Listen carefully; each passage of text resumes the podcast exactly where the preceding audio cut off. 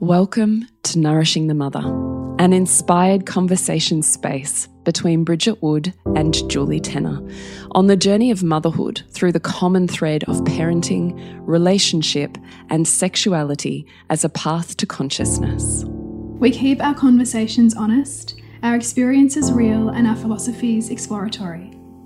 We believe that in order to raise incredible humans, we first have to raise ourselves. We know that in order to rock the family, you've got to nourish the mother. If you are here, you care about paving a path of conscious and intentional motherhood, connected with yourself and your gifts, and also illuminating your children in theirs so we may raise more whole humans who can impact this world in a more humane way.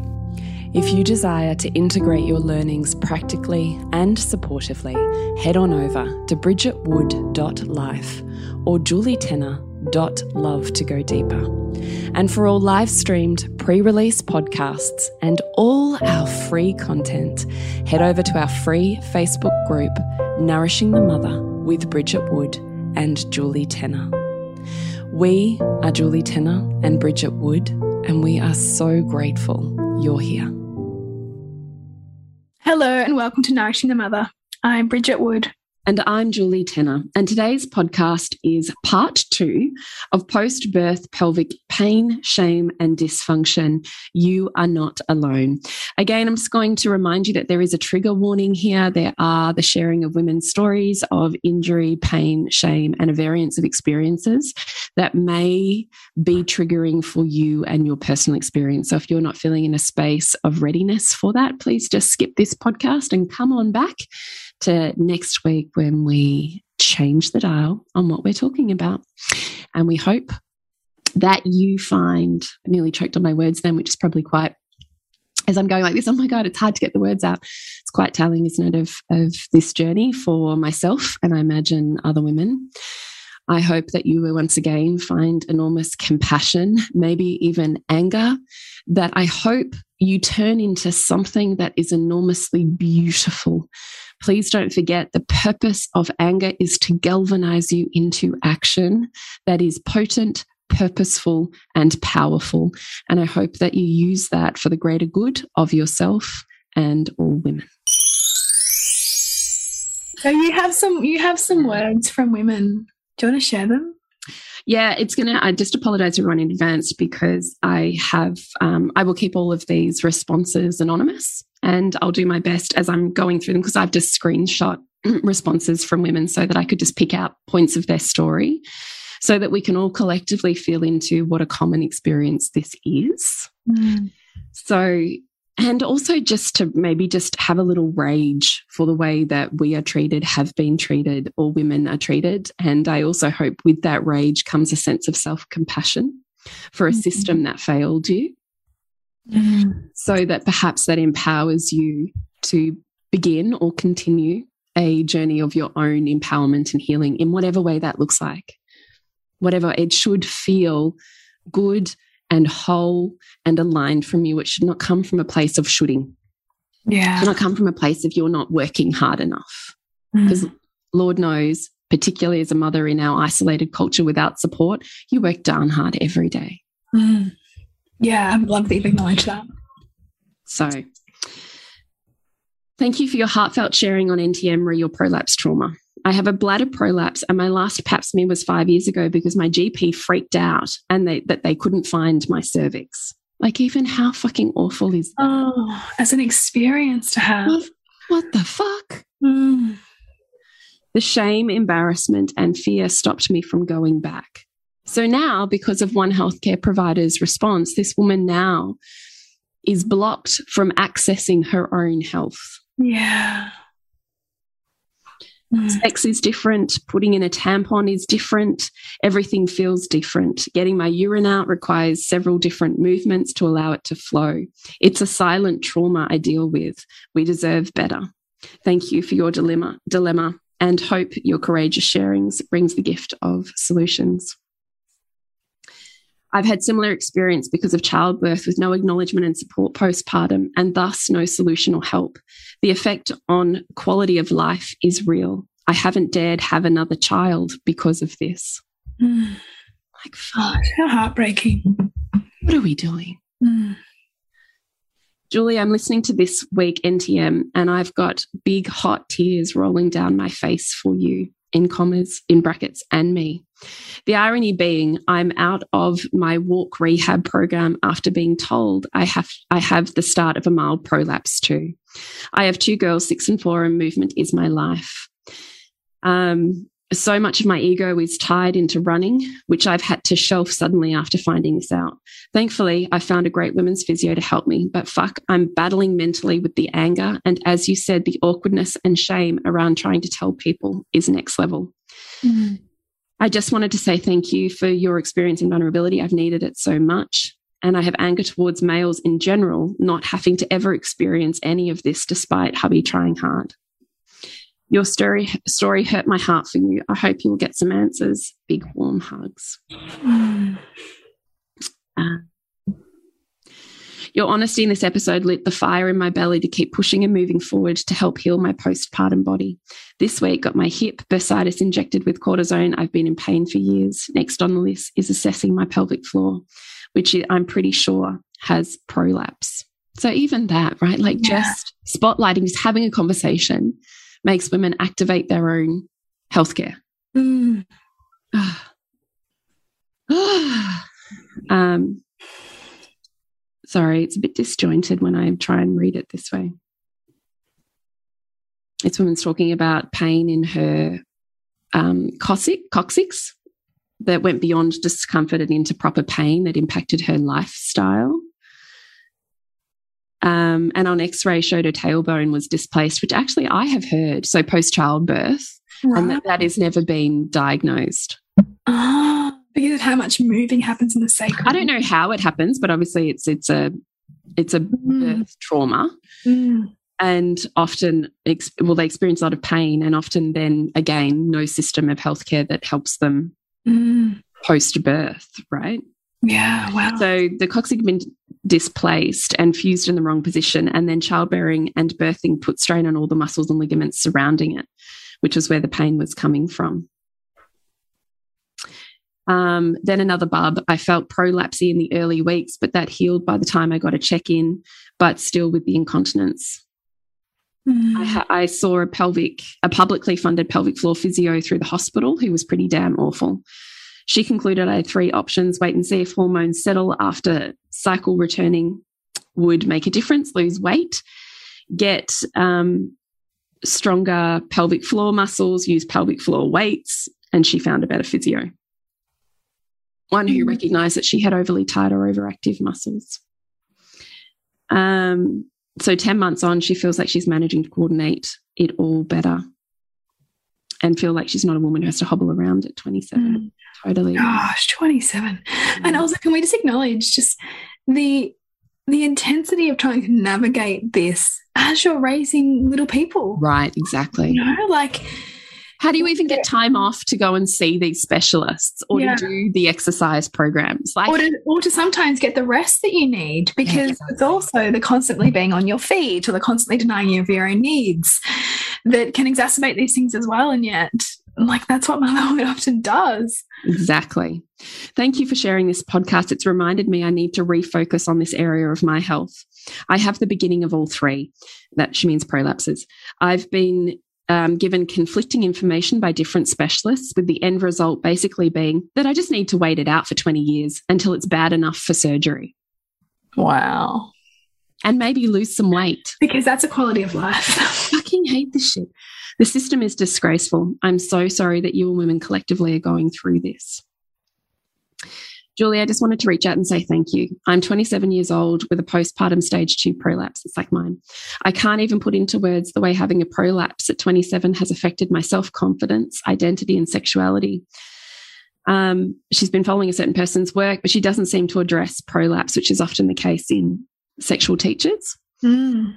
In fact, as you have said, I've also not been able to find anyone who is dedicated to this, and it's a topic seriously lacking in research and discussion, which even the um, surgeons would say this is not enough research. We don't even know the answers to the questions that we're asking.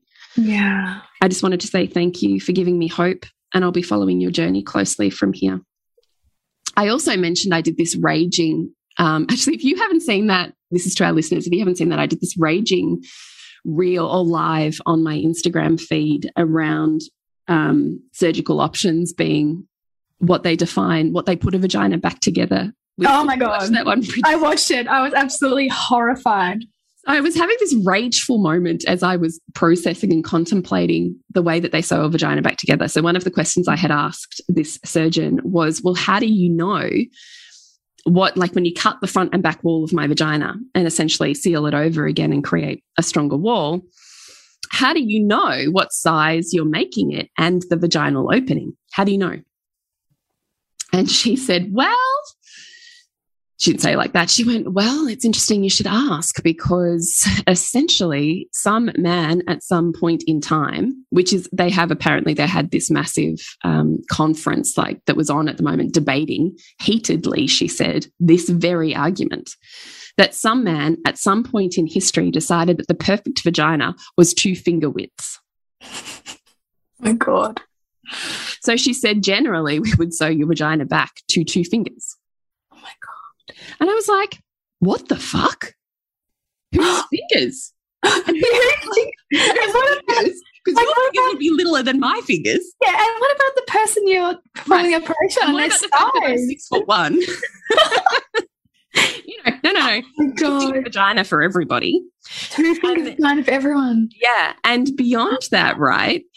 Is, and I've, and I know, and I have been told by so many practitioners, I already knew about that, Julie. And I went, yeah, I know you already knew, but there's all of these women that don't know that a husband stitch is being done to them post birth. Mm. So on top of the two finger vagina is the concept that when you're being sewn back together after birth, that they put an extra stitch, which is like genital mutilation, only it's this very, you know, whitewashed Yes. Non talked about thing with this like wink, wink, nudge, nudge to the husband, you'll thank me in 10 years' time. So closing the vagina beyond what it even normally was into a smaller hole so that it gives pleasure to the husband's penis, but she stays in pain for the rest of her sexual life. It's just I can't even put words to how disgusting that is. I can't even. So I'm going to, you know, there's a few stories why I say it. There's a few stories in here about that. And then on that live was the other part that I was raging about, which the future, the like best next level future for vaginal prolapse surgery is that we take a prosthetic cast of your husband's penis and a prosthetic cast of your vagina and we work out the perfect fit. And that is how we sew your vagina. Oh my God. I mean, I'm saying it comically now, but back then when I was doing the live, I was fucking shaking. I was so rageful. I was like, what? So we, so we basically make you the perfect vessel for a. Right. Right. I just like, and I said that to Nick, and Nick went, What? So, what happens when you get divorced or you leave that relationship? I'm like, Exactly, Nick. Ah, oh, sorry, Jim. My vagina was made to fit Bob. oh my God. Like, what the fuck? Oh my god! I'm just the carrier of your penis fit. I'm, I'm just yeah, like just come and you know, do you fit? Can we can we make this work? If you fit my my it is actually horrific because nowhere in that are we centering women's woman. sexual. She's not even centered. It's just she's a vessel for, man, for man's pleasure. Exactly. This is exactly my point. My God. And this actually highlights only one concentric circle of the larger picture of our culture's sexuality, which is still male penis centric. Which is, of course, the whole, largely the whole porn industry, right? Like, if it, all of it, even, even, the internalized. And the Dolly magazines we read when we were 10. Right. It's all about the penis. Pleasure. The penis. Oh, God. So, you know, I was raging about that. This podcast is sponsored by what is coming up in our places and spaces. Bridgie. Yes, so reimagining motherhood, which is the community and membership for women who are deeply desiring to empower their motherhood and feel more inspired and connected. So, coming up, we have a course on recalibrate. So, it's all about mother rage repair and resourcing yourself in motherhood. And it's in response to the, the conversations happening and also what's alive in me right now. And whenever we show up with what's alive in us, it, there's something potent there. So I'm looking forward to the toolkits that I'll be sharing and also just the conversations that we're going to be having around, you know, again bringing more things out of the shadows for mothers and and, and accepting more parts of ourselves. And what about you jules? Um, lover school begins on april 25th creating desire cultivating passion up leveling intimate communication in long-term relationship which is a totally different beast yes. any other type of relationship. Oh, I love it. so I bring all of my wisdom, experience. There's trainings for more mask beings, there's trainings for more fem beings that you can watch at your own self pace. And we gather together in a group for six weeks where I'm available for your facil facilitation, for your steps forward, for opening community conversation around things that we would normally not open. And we all know the value of vulnerability and openness from this podcast. So you can find out more at julietenner.love. So then I put up a story about um, the stitch because I was saying that women don't realize that this is happening. And she said, I just watched your live, Jules, and I'm feeling your rage. You reminded me that after the birth of my first babe, I was 23, the female doctor was stitching me up, and I heard her say to the midwife, I put an extra stitch here. The husbands thank me in 10 years' time. I was horrified as my dad was sitting next to me holding my baby at the time. Penetration was so painful for me for so long afterwards because of that. My wonderful family doctor could see straight away at my checkup what had been done. And it wasn't until I had my second baby that the issue was resolved. I had pushed that memory so far away, but thank you for reminding me I can process process that now with who I am today. So much love to you. I had a woman message me saying, Yes, this happened to me too with my first. And I still have a skin tag from the awful stitching they did. And I said, were you told about it? And she said, you know, that's a layer that I'd buried until I saw your post and it came flooding back to my mind. I hemorrhaged after my first birth. And when the doctor was stitching me up, said, We'll just pop another one in that will keep your husband happy. I was in shock from the horrific birth and not really with it at this point, but I also recall my ex husband joking about the extra stitch weeks after. He's a pig hindsight. Which I got to tell you, the men that joke about that, it seems to me in all of the responses that I've had, are now divorced. So I don't know if that's a qualifier, but I reckon it might be. Wow. Um, another woman had said, yes, it was a trauma I buried so deep. You know, the husband st uh, stitch, sex was painful, and the thought that it was my fault and I just persevered through it. Of course, um, she said that I can share, and she's having these conversations with her baby, uh, with um, her friends. I was given one and he was told and was told he's done it after my first baby, full midline episiotomy, and he was in inverted commas fixing it. He said to my husband, "Oh, and I added an extra stitch for you," and laughed. Oh my god! This is what is happening in the birth rooms. I just like I can't even understand how, on any level, any healthcare provider considers that appropriate. Like, what era are we living in? I know. I believe I was given a husband stitch after my first baby. See, this is women guessing and trying to work it out mm. because they're not actually told. And this is not a conversation that anyone is really having. So they don't even know. Mm. And then we assume it's a birth related issue that sex is now painful after childbirth, which is not true. God. So I believe I was given a husband stitch after my first baby. I was so uncomfortable even to sit down. Then I had a second PPH, and the surgeon who went in to stop it told me later that my stitches tore and he had to restitch, and I had no more discomfort after that. So she's had one surgeon who's put it in, and then one surgeon who hasn't, and her life experience has changed dramatically based on that. Wow. extraordinary. Mm. Um, my OB made a joke while stitching me too. something along the lines of, I asked, Are you stitching me and how many would I need? And he brushed it off and said, Not to worry about it. And then looked at my husband who was holding the baby and said, I'll sort it all out and pop a few extra in with a wink wink. Oh my God. Now I think about it, it's so revolting. You're at your most vulnerable, have, have been an absolute warrior and birthed a child, torn apart, and then that. It's only now, years later, you realize it's not right.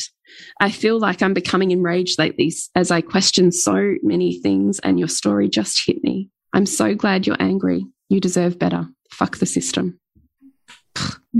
I went in for a Fenton's procedure as there was webbing on the scar tissue from when I was stitched after I tore. So the surgeon possibly did the old extra stitch you mentioned in your live. It's been painful sex since, which I just thought was my new normal after childbirth. Birth. My new OB is amazing, and she said that it certainly isn't normal. So I just like. There needs to be some serious professional development of obstetricians around this internalized misogyny that is absolutely disgusting. It's disgusting, isn't it? It's another prolapse. My journey with prolapse started with my second baby was seven months old. I was getting constipated more and more frequently and noticing this huge bulge in my vagina, not quite external, but almost. It freaked me out. I was in shock and I was increasingly uncomfortable. My prolapse was rectal. Luckily, my mum is a nurse and she could name it straight away. And when I described it, I got a referral to a women's physio and then she went on her journey. But again, so much grief and rage.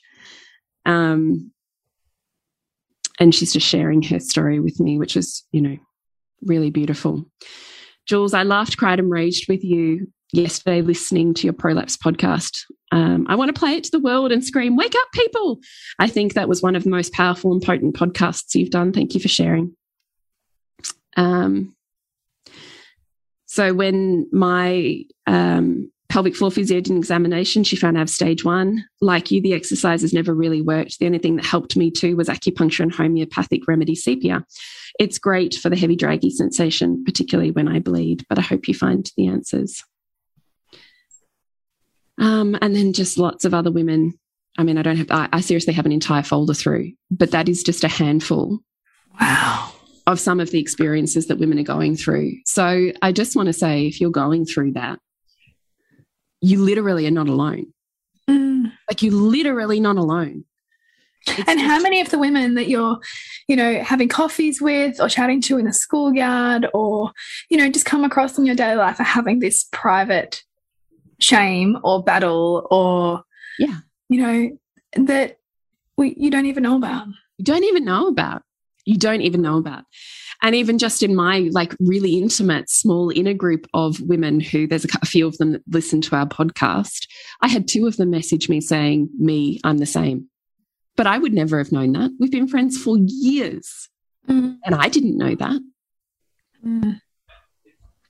Because it's not really a club you want to be part of or or sing from the rooftops that you're part of right, until someone gives you permission yeah yeah makes you wrong or unsexy or sexual or undesirable or mm. whatever it is. Or broken, right? According yeah. to what? Yeah. Mm. Yeah. So it's not okay. It's not the way that inverted commas it's supposed to work. I think if you have the mild stages of the beginning of a prolapse, I imagine, and I have heard from so many women, that there's heaps of alternative pathways that work amazingly well for you yes, pelvic floor, yes, looking at posture. One of the theories is that um, chronic bad posture creates an imbalance in the body's internal pressure systems, which mm. creates pressure on different organs of the body, and hence bubbles of prolapse appear. So, yeah, look at all of that. Look at everything that you want to look at acupuncture and also the chair the the chair thing. yes i can't yeah. think what that's called right now but it sends like like little pulses um yes or like do all of it. Do whatever feels really good for you. Do all of it. And know that you can have surgery to help you. Mm. That you don't have to live with it. Yeah. And sometimes, I mean, sometimes that's that's the permission women need. Is also that that's a really reasonable you know, and perhaps wise choice too. Mm. Mm. So, I'm still on this journey. We'll probably still be having conversations about this on this podcast sporadically as I find my way through it. I would always love to hear from you with a shared experience or um, your own remedies or insights or awakenings or questions. I am like so want to be on this journey with you. And, you know, I'm really grateful, Bridgie and I are very grateful that you're willing to have these conversations with us because we li literally are stronger together. Mm. And have less veils of shame, we're able to claim more of our personal power and therefore, therefore impact this world and our children's development in more powerful ways. Mm. And you know, even this this reclamation of our of women's health and pelvic health, the ripple effect of that not only for the women around us because certainly like I've now gone I've actually really need to prioritize this so I'm booking in to see a specialist to have my, mm. my everything looked at again and the ripple effect of that also also means you know that my daughters see me caring for my body mm -hmm. right and how important is that imprint that we that we give our children that that where we center ourselves and we center our care and we center the you know the prioritizing of what we need to show up in the way we want to show up for life rather than relegate our needs to some place when everyone else is in it first. Mm. And like that's that's really it's really beautiful and important for them to see too. Yeah, it is. So we really hope that you do that for your own pelvis and that you seek the healing and the support that you need. And if you're not sure where that exists, please feel free to reach out to us and we mm-hmm. would love to hear from you. So we're Nourishing the Mother on Instagram and Facebook, and we're bridgetwood.life and yes. julietenner.love. And yes. have you got stuff going on at the moment, Brie? Reimagining motherhood is is where I'm at, and in fact, um, based on the community's needs, and I definitely what I've been moving through myself, we are about to launch into a beautiful series on all things anger and recalibrating our own anger and seeing wider and, you know, practicing tools to move through it. And it's feeling really, really like lit up in me right now. So that's what you can find in Reimagining Motherhood, as long as well as an enormous library of courses and resources and a beautiful community of women. So yeah, find out more about that at reimagining, sorry, at bridgetwood.life. and, and it, it is reimagining motherhood at bridgetwood.life. And what about you, Jules? What's happening in your world? Well, I have Lovers School, which is launching on April 25th, creating desire, cultivating passion, up leveling intimate communication in long term relationships. So you have evergreen course content that you can watch alone or in companionship. And there's two two hour workshops facilitated by me that you can join via Zoom with your partner, and we get to do some really cool stuff in a six week container where we get to have some really cool conversations. You can find out more at julietenner.love. Beautiful. Remember to nourish the woman to rock the family. And we'll see you next week when we continue to peel back the layers on your mothering journey. Thank you so much for listening. We literally couldn't do this without you. Please share this podcast with anyone you think it would be medicine for. If you desire to integrate your learnings practically and supportively into your life, then head on over to bridgetwood.life or julietenner.love to go deeper. And if you feel like giving back a little to this free content, please rate us on iTunes or Facebook, all of which helps the podcast reach more mamas who need this type of tonic for the soul.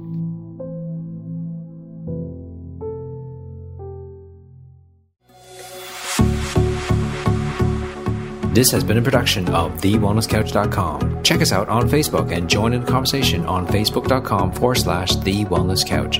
Subscribe to each show on iTunes and check us out on Twitter. The Wellness Couch, streaming wellness into your lives. Whilst the Wellness Couch presenter endeavor to provide accurate and helpful information to their listeners, these podcasts cannot take into account individual circumstances and are not intended to be a substitute for health and medical advice from a qualified health professional. You should always seek the advice of a qualified health professional before acting on any of the information provided by any of the Wellness Couch podcasts.